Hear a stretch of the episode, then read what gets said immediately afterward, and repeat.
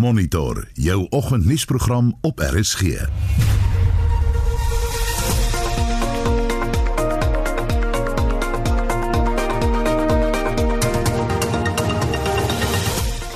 die tweede helfte van Monitor ons praat met die land se top matriekpresteerder as ook 'n matriek wat 6 A's kry nadat hy eksamen in 'n hospitaalbed moes skryf. En ons praat breedvoerig met twee onderwyskenners oor die laer matriek slaagsyfer. Goeiemôre, ek is Gustaf Greiling. En my naam is Anita Visser. 12 minute oor 7 hier by Monitor op RSG. En terug na ons hoofberig van die dag, die matriekuitslae vir 2020 is gistermiddag deur die minister van onderwys of basiese onderwys Angie Motshekga bekend gemaak en die slaagsyfer was 5% laer as die vorige jaar. Vir hulle insette daaroor praat ons nou met professor Irma Elof wat vir twee termyne dekaan van die onderwysfakulteit by die Universiteit van Pretoria was. Goeiemôre Irma. Goeiemôre. En ons praat ook met professor Saartjie Gravett. Sy is dekaan opvoedkunde aan die Universiteit van Johannesburg. Goeiemôre Saartjie. Goeiemôre. Kom ons begin by jou Irma en dan gaan ons na Saartjie toe. Is jy verbaas oor die uitslae in vergelyking met verlede jaar se? Eers Irma en dan Saartjie. Ek dink die uitslae is nogal redelik na verwagting. As mens kyk na die hoeveelheid ontwrigting wat hierdie jaar se matriek of verlede jaar se matriek deurgegaan het, is dit eintlik merkwaardig dat mens sien dat dit nie meer geval het nie. Hulle het net van Januarie tot Maart skool gegaan. Hulle is vir 'n kort stukkie terug in Julie om te begin voorberei vir die rekordeksamen. So ek dink as mens die ontwrigting, die isolasie, die ehm um, vir verkorte kurrikulum, al daardie faktore in ag neem, dink ek is ongeveer na verwagting. Saartjie? Ja, ek stem heeltemal saam met Irma. Goeiemôre Irma. Môre Saartjie. Uh, die minister het ook gister gesê en ek stem saam met haar, hulle het 'n bloedbad verwag. Uh, en eintlik het dit onder omstandighede besonder goed gegaan. Dink mense moet uh, die leerders wat uh, hulle bes probeer het, die onderwysers wat hulle so goed ondersteun het in die in die situasie. Uh en gelukwens met hierdie prestasie ten spyte van die probleme. Die minister het ook gesê dat uh, meer matrieks onderskeidings en universiteitsvrystelling gekry het as in die vorige jaar. Dui dit noodwendig op beter gehalte onderwyssaartjie? Mense sou hoop dat daar wel gaande weg 'n verbetering is in gehalte van onderwys want daar word baie belê in onderwys. Uh ons is nie altyd bewus daarvan dat daar 'n uh, ernstige pogings is om uh, onderrig en leer te verbeter in skole nie. En veral ook in landelike gebiede en veral ook in die skole waar daar probleme is met uh onderrig en leer. So dit behoort die geval te wees dat ons gaande weg beter kwaliteit sal kry. Ek het nou nog nie die geleentheid gehad om na die uh data in detail te kyk nie. Daar's al, altyd baie goeie ontledings wat die departement van onderwys wel uh uh vir mense beskikbaar stel, maar dit kon ek nog nie na kyk om te sien presies wat die verbetering is wat die minister van praat nie. En maar wat ons wel weet is dat minder leerders het in wiskunde en fisiese wetenskap geslaag. Nie juis 'n vreeslike verrassing daar nie of hoe? Ja, want ek dink wiskunde en wetenskap is van die vakke soos van die ander ook wat werklik ehm um, aangesig tot aangesig ehm um, onderrig vereis veral rondom die komplekse begrippe wat op hierdie vlak ehm um, geleer moet word. Saartjie, wil jy byvoeg? Ja, en ek dink ook wat die geval is, is wiskunde en wetenskap uh moet van klein tyd af, van kindsbeen af in die uh, grondslagfase baie baie goed onderrig word want dis waar die grondslag gelê word. So ek dink die probleem is veel dieper as wat dit net 'n matriekprobleem is. Dit is 'n probleem dat uh, daar nie genoegsame uh, kundigheid waarskynlik nog steeds in die uh, grondslagfase is om uh, die die basiese konsepte baie goed te onderrig nie dat daar begrip is en nie net op prosedures gefokus word nie.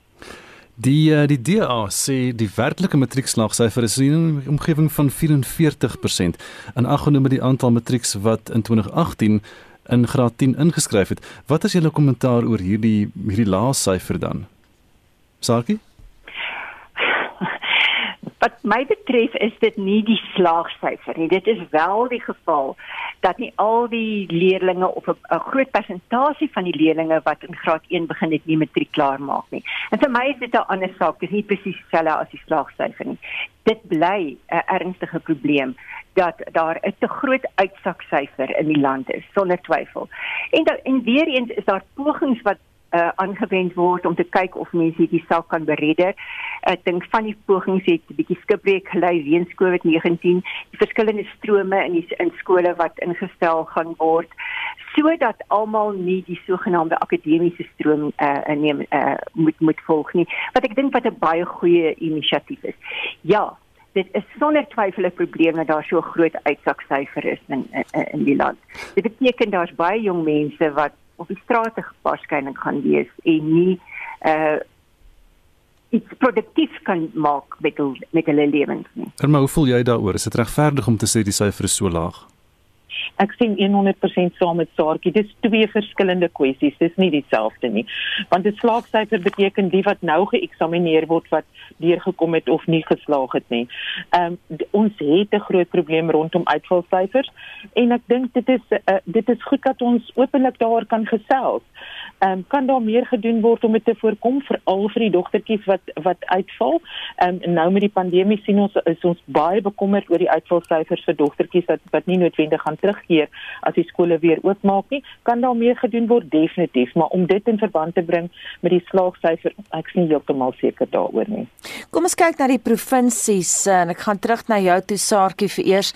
Die Vrystaat het nou die beste slaagsyfer getoon. Dit is 'n provinsie met heelwat uitdagings. Hmm. Kan ek eers sê ek Ek het voorheen al gesien ek wil dit weer 'n keer sê ek dink nie hierdie vergelyking van provinsies is enigsins regtig uh help mens om uh die onderwys te verbeter in die land nie. Dit word 'n ongesonde kompetisie maar ten spyte van van wat ek sopas gesê het ja die Vrystaat het baie uitdagings. Wat 'n mens verneem en um, ek gaan maar hierop sê want ek het nie eers tans rangse uh, kennis van um, die Vrystaat nie, is dat die leierskap in die Vrystaat skynbaar goed is.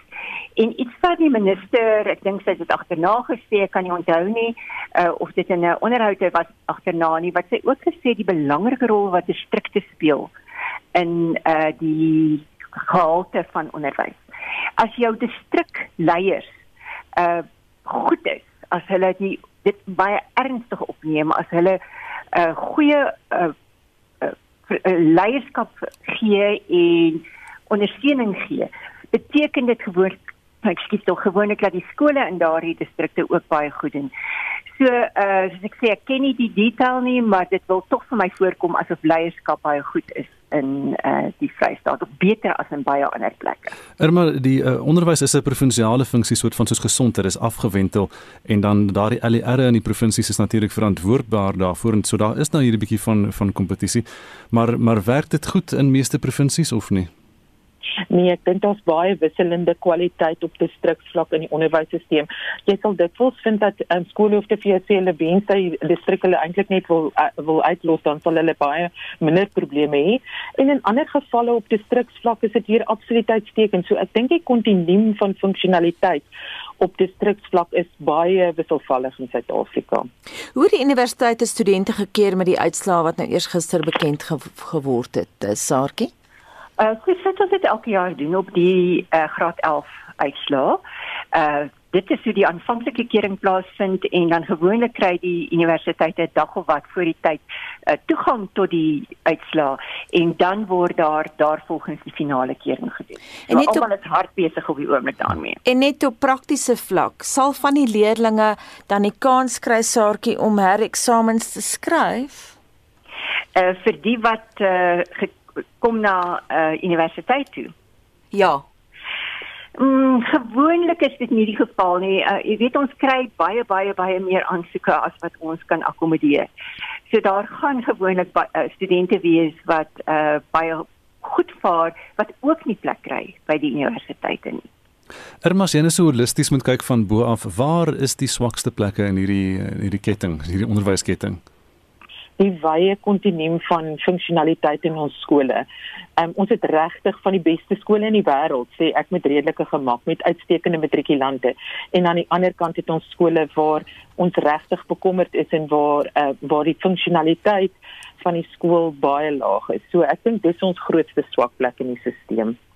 Dan 'n vraag aan jou Saartjie, moet ons so uitslaggerig wees? Nee, asseblief nie.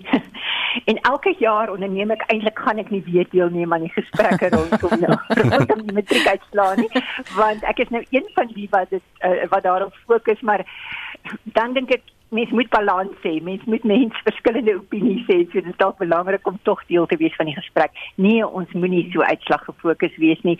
Ek ek kan nie sien watter rol dit werklik speel nie. Uh, ek dink wat belangrik is is dat ons baie bly moet wees en die die leer, leerlinge wat baie goed gedoen het. Uh dat ons dit moet vier en dat ons vir hulle moet sê wel gedaan. Maar self hulle die met die sukses matriek uh, met onderskeidings en meer doen nie gaan nie noodwendig goed doen in die lewe nie. Mm. Dit het ons ook gevind. Dat dit baie keer jou gemiddelde uh jong mens wat hard werk op universiteit wat baie suksesvol is. So matriekuitslaa is nie so belangrik as wat ons dit maak nie. Irma, hoe voel jy daaroor? Definitief. Ek dink skool as iets uh, as die pandemie ons iets geleer het, is dat daar baie ehm um, funksies is wat skole uh, vervul waarvan die sosiale en die emosionele en die ondersteunende rol wat skole speel waarskynlik een van die meer belangrike rolle is en akademie is ook daar maar dit is net een deel van die prentjie. Sakie, jy praat net so van van die uh, die toppresteerders 6 tot 8 A's, die mense wat so goed doen, bedien die stelsel daardie leerdlinge goed? Met ander woorde, jy praat nou uitslag is nie belangrik nie, maar vir hulle, hulle is nogal gedrewe en ja. uitslag is belangrik. Hulle wil gaan oorsee studeer byvoorbeeld en dan is die matriek nie eens genoeg nie. Ja, weet jy dit dit ek dink tog die daardie leerdlinge is gewoonlik leerdlinge wat in baie goeie skole is waar daar allerlei ekstra geleenthede ook vir hulle gebied word. Uh so ek dink wel die onderwysstelsel bedien hulle goed. Ek dink nie daar's 'n probleem daar rondom nie. Irma? En en let my laat ek net weer 'n keer sê soos ek gesê het vir hierdie leerdlinge is is hulle 6 tot 8 onderskeidings iets om te vier en mens moet hmm. hulle gelukwens daarmee. Kom ons gaan terug na die konteks van ons tyd en dit is COVID COVID COVID.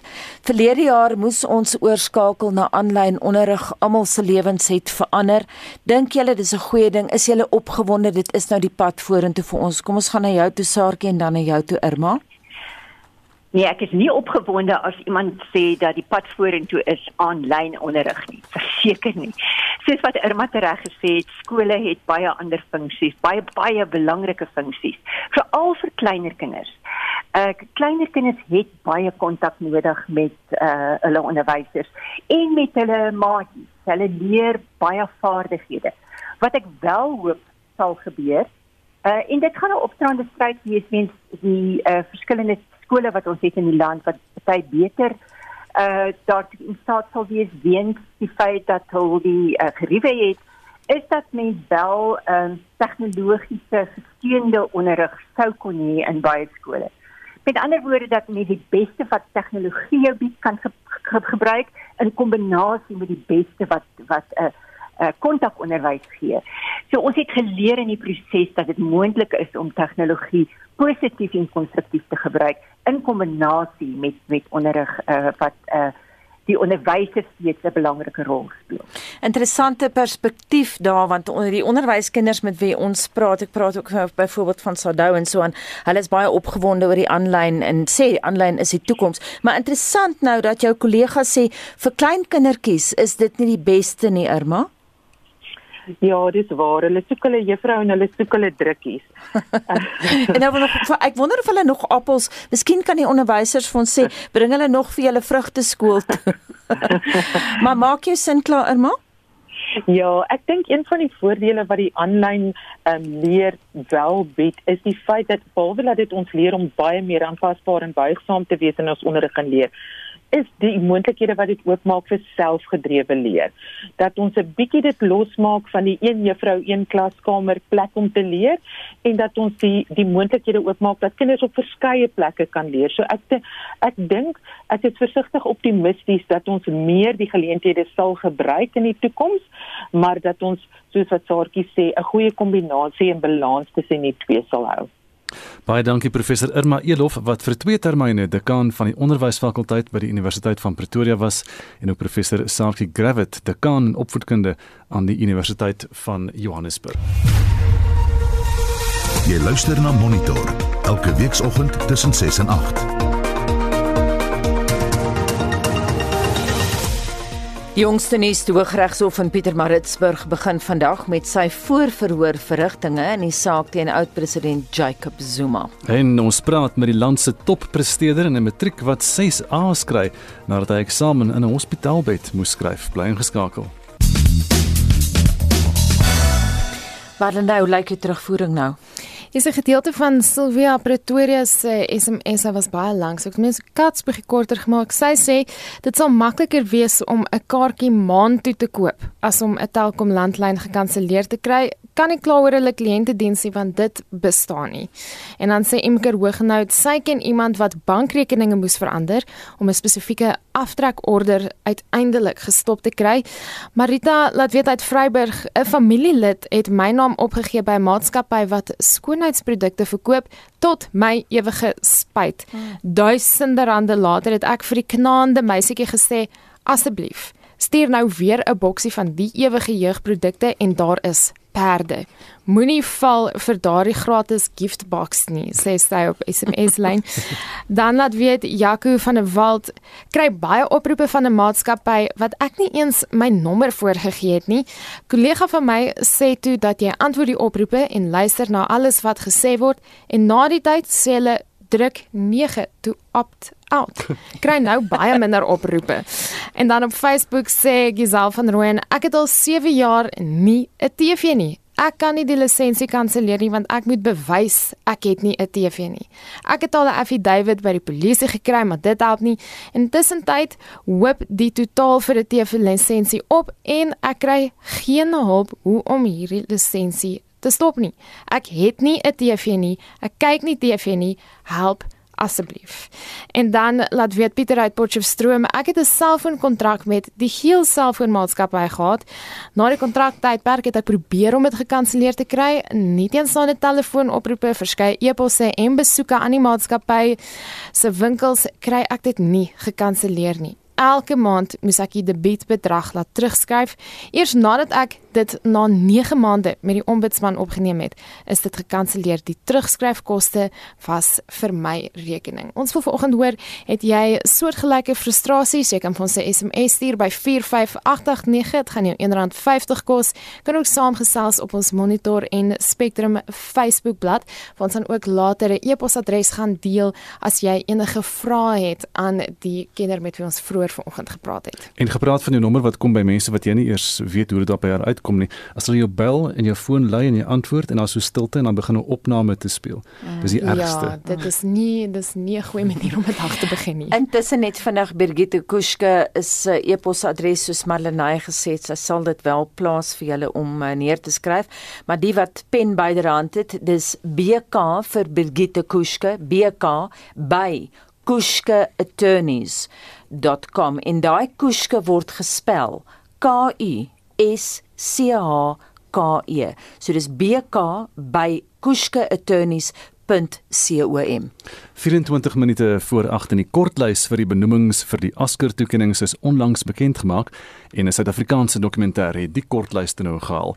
My Octopus Teacher gaan oor die lesse wat 'n Kaapenaar onder water by 'n wyfie seekat geleer het en Anne Marie Jansen van Vuren doen verslag. Papa Erlich en James Reed was die regisseurs van die dokumentêr My Octopus Teacher. Die storie het begin toe Craig Foster, self 'n rolprentmaker, begin het om sonder duiktoerusting in 'n area van die see naby Valsbaai te gaan duik. Erlich verduidelik hoe sy betrokke geraak het.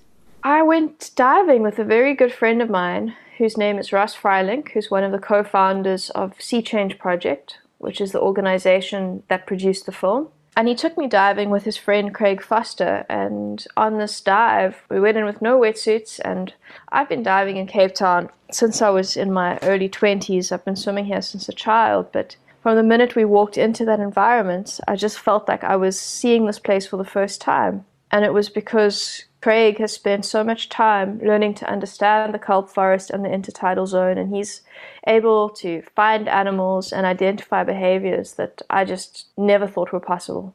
Foster het 'n jaar spandeer om materiaal van sy verhouding met die seekat te vervilm. Dit was Erlich se werk om 'n storie uit hierdie argiefmateriaal te skep en ook te bepaal wat hulle nog moet vervilm. Daarna moes sy die uitdagende taak aanpak om terwyl sy duik onderwaterregie te. I ended up directing shots of Craig, and how you direct that is you just come up for air every now and again, and you speak to the cinematographer and you speak to the subject, and you choreograph the scenes that you're going to film. And of course, a lot of the directing actually happens in the edit, and there you are sitting for many, many, many hours a day, going through your footage, listening to your interview, creating magic with sound and image, and bringing the story to life. Om te vervilm, het verskeie uitdagings gehad. Working in an environment like the kelp forest is an absolute privilege because it's such a beautiful and unpredictable place, but it's very difficult to control anything. You're completely at the mercy of the conditions. Often the sea is very, very rough. There are actually very few days where you have crystal clear water where you can film beautiful wide shots of Craig swimming through the kelp forest. You have to be aware of the other animals in that space and there are no longer too many great whites around anymore, but at the time that Craig was filming, that there were a lot of sharks in the bay still. And then when you're making a small independent film like this, and you're making a film with quite a strange storyline, the toughest thing is really finding the budget. One of our biggest challenges was for probably the first two years on this film, we worked completely unfunded, and that was challenging. Dit het hulle so wat 2 jaar geneem om die dokumentêr te redigeer en die kern van die storie te vind. Whittling things down and whittling things down and until we had actually a very very tight story. And sometimes those decisions are very difficult to make, but when you have a story like this with such a compelling central narrative, which was really the octopus's story. In this film, because the octopus's story was so compelling, it happened quite naturally. En waar het die titel My Octopus Teacher vandaan gekom? Well, it actually started off as The Octopus Teacher, but we didn't want anyone to think that the film was about humans teaching octopuses. So that's why we called it My Octopus Teacher. And it really is the story of everything that Craig learned from having this incredible interaction with an underwater alien like creature. And the octopus is obviously she's herself, but for me as a director, she was also a symbol of the natural world in general. And we wanted this film to give people insight into how much you can learn when you open your, your heart and mind to the natural world. Die dokumentêr is een van die gewildstes op die stroomdiens Netflix, beide plaaslik en internasionaal. Ons het vir Erlie gevra waarom sy dink hierdie storie soveel aanklank onder gehore gevind het. We're living in a time when people are looking for an escape and our strategy in making this film was to really create a fully immersive experience and create a film that takes people into another world and it's a world that we know very well and, and we are dedicated to exploring and protecting on a daily basis. I think it's an emotional story it sounds cliched, but a good film, a film that people want to watch, has to have a strong story, and a strong story always involves feelings. And I think that's what people are attaching to. It's a window into the natural world, but through this very relatable narrative of a human being and his friend the octopus and all the trials and tribulations that she experienced, and we empathize with her. Die regisseur van My Octopus Teacher, Pippa Erlich, en ek is Anne Marie Jansen van Vuren vir SAK nuus. 741 en vir wêreldnuus gebeure sluit Essie de Klerk nou by ons aan en ons begin by NASA wat nou die eerste beeldmateriaal van sy soort vrygestel het, die van Perseverance se landing op Mars. Klink opwindend, Estie?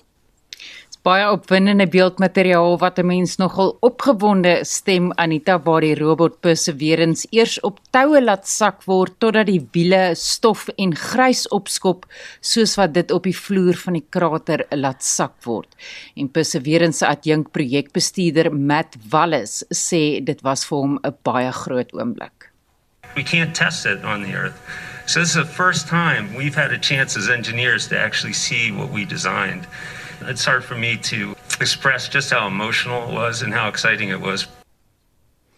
Die boor aan boord van die tuig sal rotsmonsters op die oppervlak versamel en dit ontleed vir lewe en daar is tegnologie wat sal probeer om suurstof te maak van die koolstofdioksied ryk atmosfeer, maar daar's ook 'n mini helikopter wat geloods word, verduidelik die wetenskaplike professor Monica Grady.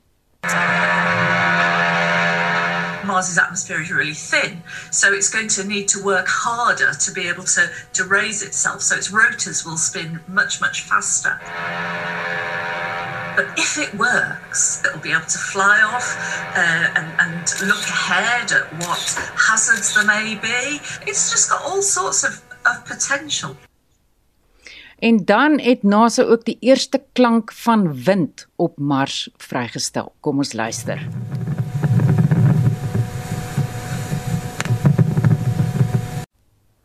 En soos wat ons daar kan hoor, dit klink maar net soos wind, maar dis opwindend omdat dit op Mars is. En Keith Cowing van NASA Watch sê hy onthou die eerste maanlanding, maar hierdie beeldmateriaal is werklik iets spesiaals. Well, the last time we landed on Mars, there were some pretty pictures, but this rover has several dozen cameras. It's all in color, and they spent the past weekend, you know, bringing all the data down from Mars and putting it together. And I mean, this, as a matter of fact, they were making the joke that it looks more real than the animations that they need now need to label these uh, videos saying this is real, not an animation. A lot of this is not surprising if there's wind on Mars, but you know there is something about sending our robotic emissaries, as they're often called, to other worlds by being able to see things and hear things. It does bring a sort of uh, a vicarious uh, connection between all of us here on Earth and Mars. En die stem daar van Keith Cowing van NASA Watch en nou verskuif ons die fokus na die FSA waar president Joe Biden opdrag gegee dat alle vlae van federale geboue vir die volgende 5 dae halfmas moet hang ter herdenking aan die Amerikaners wat hulle lewe weens COVID-19 verloor het. Ja, in die FSA het 500 000 mense weens die koronavirus gesterf en dis die hoogste sterftesyfer in die wêreld en reeds meer as 28,1 miljoen mense het reeds die virus opgedoen. Biden het gesê as 'n nasie moet hulle teenstand bied om nie meer gevoel te kan betoon nie, met ander woorde om afgemat te raak teen mense wat gesterf het weens die virus. Stilte is gehandhaaf deur Biden, sy adjunk en hulle families in 'n Kersligseremonie by die Withuis en Biden het gesê die sterftesyfer weens COVID-19 in Amerika was gesamentlik hoër as die dodetal in die eerste, tweede in die eerste en tweede wêreldoorlog en die Vietnamese oorlog. As we all remember. I also ask us to act, to remain vigilant, to say, stay socially distant, to mask up, get vaccinated when it's your turn. We must end the politics and misinformation that's divided families, communities, in the country. It's cost too many lives already. It's not Democrats and Republicans who are dying from the virus. It's our fellow Americans, it's our neighbors, our friends, our mothers, our fathers, our sons, our daughters husbands, wives. We have to fight this together as one people, as the United States of America. En so sê die Amerikaanse president Joe Biden en nou gaan ons na Myanmar waar honderde duisende betogers in die strate van daardie land deelneem aan die grootste staking nog teen een van die land se militêre. Dis natuurlik die militêre staatsgreep wat op 1 Februarie begin het. Daai storie gaan beslis nie goue doodsterf nie as mense ook kyk na die TV-netwerke. Ehm um, die hulle gee vreeslik baie aandag aan Myanmar. Ja, elke dag Anita en besighede is gesluit soos wat betogers deelgeneem het aan hierdie ehm um, staking nou ten spyte van 'n militêre verklaring wat gesê het betogers waag hulle lewens deur deel te neem aan hierdie staking. En die verklaring het erniede vrees laat ontstaan dat die betogings in onluste kan ontaard maar dit het vreedsaam voortgegaan. En betogings betogers soos wat ons weet eis 'n einde ehm um, aan uh, eis 'n eis die vrylating van hulle leier Aung San Suu Kyi en senior lede van haar party. En dalk belangrik om by te voeg, ons het dit nou reg vlugtig genoem dat die Britse minister van buitelandse sake Dominique Raab ook uh, opsie daarop aandring dat Aung San Suu Kyi vrygelaat moet word. Dit was Essie de Klerk wat vir ons 'n oorsig gegee het van internasionale nuus gebeure. Dis 13 minute voor 8 by Monitor en nou 'n lekker deel van die program waar ons gaan praat met mense wat slimmer is as ons. Dylan van der Merwe, verlede jaar 'n matriekleerling aan Trinity House Little Falls in Roodepoort in Johannesburg, moes sy wetenskapvraestel in 'n hospitaal skryf nadat sy blinde darm ontsteek het en hy ten spyte van die terugslag nog steeds 6 onderskeidings verwerf. En ons praat nou met hom. Dylan, goeiemôre. Goeiemôre, gaan dit? Baie goed, dankie. Hoe het dit gevoel vir jou om in 'n hospitaalbed te lê en eksamen te skryf? Dit was nogal 'n interessante en vreemde ervaring. Kon jy konsentreer daarom? Uh ja, ja, definitief. En het hulle intussen darm jou blinde darm ook nog verwyder? nee, nee, as uh, na na my eksamen het die dokter actually vir my 'n opsie gegee. Hulle kan my blinde darm verwyder of hulle kan net vir my op medikasie sit. So jy het nog steeds die darm? Ek het nog steeds die problematiese darm. Jy is nie siek en hy is seer nie. Nee, nie nou nie. Wat is jou ander vakke? Jy het 6 onderskeidings gekry. So ek het uh wetenskap en dan het ek ook geskiedenis en uh wat se naam geskiedenis besigheid, ja. En verlede jaar met die hele COVID-19 pandemie al die inperkings kon jy daarin leer. Ja, ja, dit dit was actually 'n baie interessante ervaring want ons het vir die meeste van die eerste helfte van die jaar aanlyn skool gedoen wat vir my 'n baie interessante ervaring was. Hoe was daardie aanlyn ding? Het jy kon jy daarin eh, deelneem soos wat jy gewoonlik in 'n klas sou deelneem? Aan die begin was dit 'n bietjie moeilik want almal moes ook eers gewoond raak om aanlyn te werk en sulke goed, maar wanneer jy gewoond daaraan is, is dit actually uh, baie meer produktief vir my. So jy het nie jouself gemute, die kamera afgesit en geloop nie. Nee, nee, nie sorry. Dylan baie dankie Dylan van der Merwe het vir al sy vakke A's gekry en ten spyte daarvan dat hy 'n vraestel in die hospitaal moes skryf. Gustaf, ja, jy is ehm um, daarin baie interessant. Jy sê hulle slimmer as ons. Ja, is hulle slimmer as jy? Ons weet almal Gustaf is baie slim. Dani Gous van die Hoërskool Hermanus in Weskaap het die hoogste punte vir wiskunde in die kwintiel 5 groep van openbare of staatskole in die land eh, behaal en ons praat nou met hom. Goeiemôre en baie geluk Dani. Uh, goeiemôre. Ehm um, baie dankie. Het jy dit verwag? Het jy gedink jy gaan spesifiek so goed vaar in wiskunde? Ons verstaan wiskunde is maar altyd 'n bietjie van 'n tamaletjie. Ehm um, ja, ons het uh, natuurlik maar gehoop, maar dis dis eintlik amper maar bo enigiets wat ons kon verwag. Wat die ontwrigting van COVID-19 betref, jy weet, ons het so baie daaroor gesels verlede jaar en nou ook en die leerproses is totaal ontwrig. Was dit vir jou baie moeilik of het jy redelik maklik daarbey aangepas? Ehm um, ek voel eh, nader in die begin was dit relatief redelik eenvoudig om maar oor te skuif na 'n uh, uh, na 'n uh, rutine waarin mens die uh, inhoud kon leer soos die onderwysers dit weergee maar soos dit aangaan dink ek word dit al hoe moeiliker om by die rotine te hou en uh, dit raak raak moeilik om by te hou. Ek is net bly ons is wel daardeur tot die einde. Ja ons is beslis baie bly saam met julle. Nou Dani wat gaan jy volgende jaar doen? Ek wil elektries en elektronies studeer by Stellenbosch hierdie jaar Wel mens met sê hierdie jaar nê, want dit is nou ja. 2021. So jy gaan Stellenbosch toe. Miskien sien ons jou nog daar met die woordfees as ons in September afgaan. Baie dankie en alle sterkte met jou studente loopbaan Dani Gous. Baie dankie. Nou Sonika Roof van die Hoërskool Outeniqua in George in die Suid-Kaap het derde geëindig in hierdie kwintiel 5 afdeling skole in die land en ons praat nou met haar Sonika môre. Môre. Het jy verwag om hierdie posisie te bekleë? Nee, ek het dit regtig nie verwag nie. Wat vat dit van 'n mens? Wat verg dit om om so goed te doen in matriek? Ehm um, ek sal sê definitief harde werk natuurlik, maar ek dink balans is net so belangrik. Ehm um, ek dink ons het veral laas jaar gesien, mens kan nie net akademie doen nie, ehm um, deelname aan sport en kultuur en ja, net ontspanning en tyd saam familie en vriende sal ek sê is net so belangrik. Ons het vroeër gepraat met die dekane en hulle het gesê uitslag is die uitslag is nie alles nie. Dit gaan baie van die dinge gaan oor jou lewensvaardighede. Het jy ook lewensvaardighede op skool geleer? Ehm um, ja, nee, ek glo so. Ehm um, 12 jaar is 'n lang tyd, so ek sal hoop mense leer daar 'n paar lewensvaardighede aan. en wat gaan jy nou studeer? Ek gaan medies studeer. Waar gaan jy gaan? Ehm um, Tygerberg. Tygerberg, medies. Nou, Ja. toe, baie sterkte daarmee. Sonika, baie dankie vir die gesels vanoggend. Sonika Roo is van die Hoërskool Outeniqua in George. En van een slimme na ander Willem Kurpershoek het vanjaar matriek aan die Hoërskool Middelburg in Mpumalanga geskryf. Hy is die tweede beste student in kwintil 'n kwintiel 4 skole in Suid-Afrika en hy is nou op die foonlyn sê die redakteur. Goeiemôre Willem. Môre tannie. Is jy opgewonde? Ja, tannie. Was dit Natuurlik.